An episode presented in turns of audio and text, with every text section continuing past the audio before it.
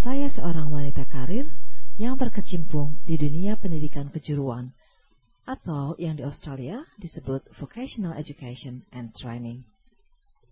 Saya akan bercerita sedikit mengenai pengalaman hidup saya sebagai residen tetap di Australia sejak tahun 1980.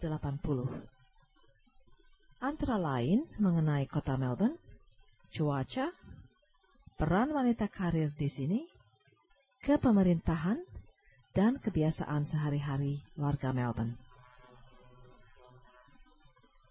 Pertama kali saya mengenal Melbourne di tahun 1979 sebagai seorang mahasiswa selama satu tahun.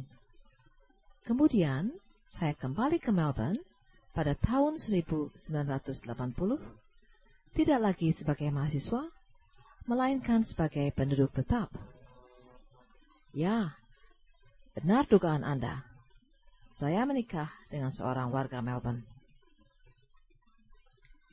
27 tahun yang lalu, saya ingat kota Melbourne terasa sunyi dibandingkan dengan kota Bandung, di mana saya berasal. Yang hiruk pikuk penuh dengan kendaraan dan manusia. Di sini, saya tidak melihat banyak orang berjalan kaki di jalan. Yang banyak saya lihat hanya kendaraan bermotor. Kota Melbourne bersih, indah, dan begitu teratur dengan pola tata kota berbentuk papan catur. Penghijauan kota dipelihara dengan baik terlihat dengan banyaknya jumlah taman di setiap wilayah kota. Penggunaan tanah pun dijaga sehingga daerah perumahan tidak bercampur dengan daerah bisnis atau daerah industri.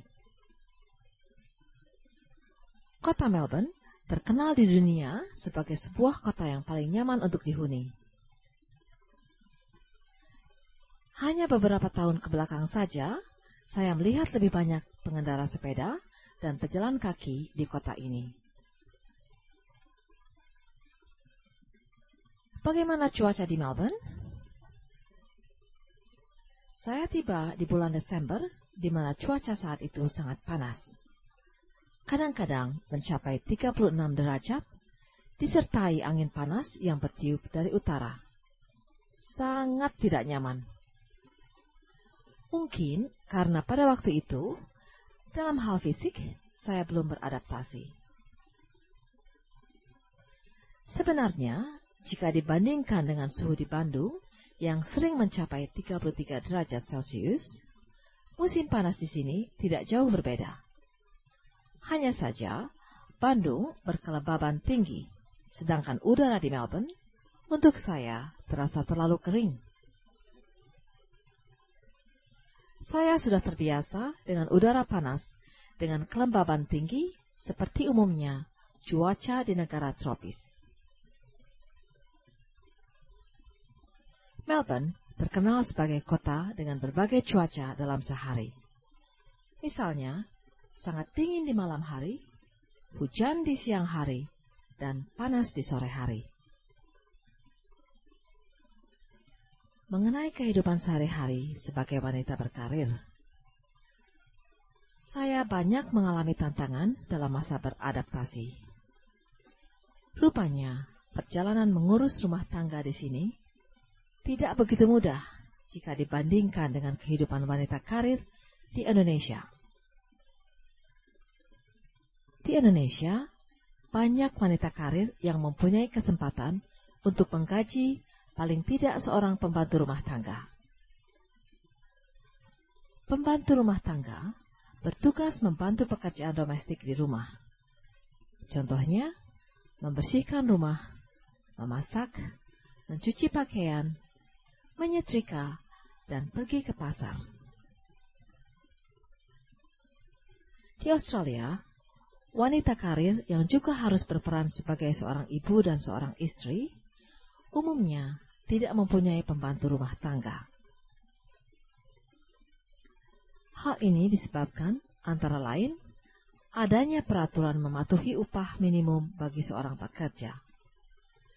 Sehingga hanya sebagian kecil masyarakat yang mampu menggaji seorang pembantu rumah. Ya, menurut pendapat saya, tugas seorang wanita karir di sini, yang juga merangkap sebagai ibu dan istri, lebih menantang jika dibandingkan dengan di Indonesia. Pekerjaan rumah tangga saya diselesaikan bersama-sama dengan semua anggota keluarga, termasuk suami. Nilai positif dari keadaan ini yaitu kedua anak saya menjadi terampil dalam pekerjaan di rumah, seperti pekerjaan mencuci baju, membersihkan rumah, memasak, berbelanja, dan mencuci mobil. Bagaimana kepemerintahan di Australia?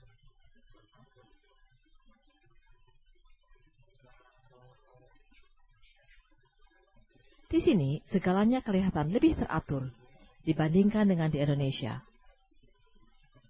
Salah satu sebab yaitu peraturan-peraturan yang berlaku di sini dilengkapi dengan sanksi baik berupa denda atau hukuman penjara.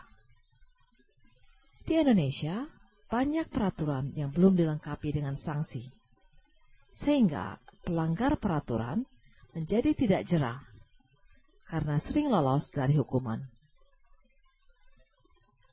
Contoh yang sering saya lihat di sini yaitu denda bagi para pelanggar parkir kendaraan. Hanya dengan diberi surat tanda pelanggaran yang diletakkan pada kendaraan, si pelanggar harus membayar denda dalam waktu yang sudah ditentukan. Karena bila tidak, denda otomatis akan bertambah besar. Mengenai kebudayaan dan kebiasaan sehari-hari masyarakat di Australia. Sebenarnya, berbicara mengenai kebudayaan atau kebiasaan masyarakat di Melbourne atau di Australia pada umumnya sedikit sulit Mengapa? Masyarakat di sini terdiri dari berbagai macam budaya. Karena penduduk Australia datang dari berbagai negara dengan berbagai budaya dan kebiasaan mereka masing-masing. Sehingga yang disebut budaya Australia adalah budaya yang mewakili banyak golongan yang diterima oleh sebagian besar masyarakatnya. Sebelum saya tinggal di Australia, saya terlalu sering mendengar kalimat kebiasaan atau budaya barat yang selalu mempunyai konotasi negatif. Setelah saya tinggal lebih lama di sini, ternyata banyak segi positif yang saya pelajari dari apa yang disebut budaya barat. Sebagai contoh kecil, kebanyakan orang Australia mempunyai kebiasaan mengucapkan terima kasih untuk bantuan yang sangat kecil sekalipun. Misalnya, menyampaikan sebuah sendok dan garpu di meja makan. Di Indonesia, orang tidak mengucapkan kata terima kasih untuk hal-hal kecil seperti itu.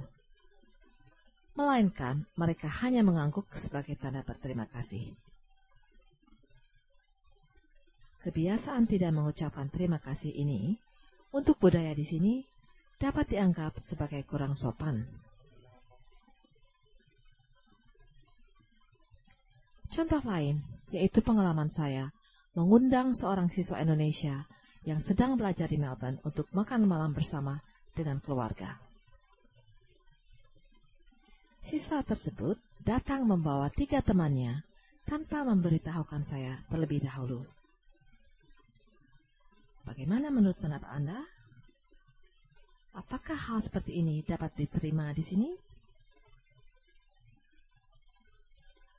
Menurut pengalaman saya, siswa tersebut membawa kebiasaan yang sering dilakukan di Indonesia, di mana hal ini sangat terbiasa dan dapat diterima.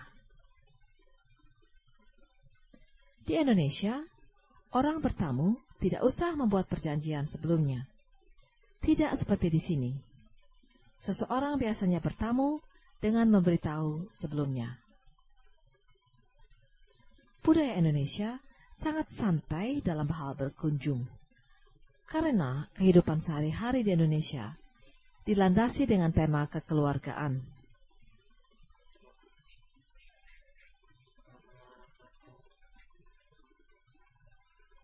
Komentar saya mengenai hal berpakaian.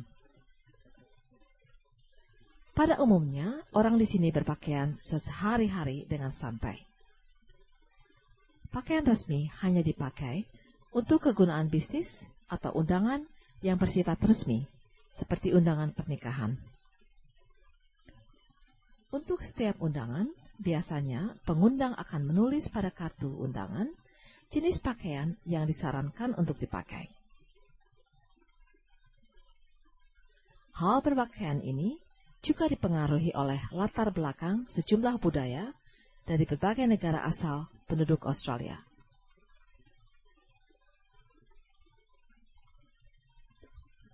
Nah, para pendengar, sekian cerita pendek saya kali ini mengenai cuaca, kehidupan wanita karir, kepemerintahan, kebudayaan, dan kebiasaan sehari-hari, serta hal berpakaian.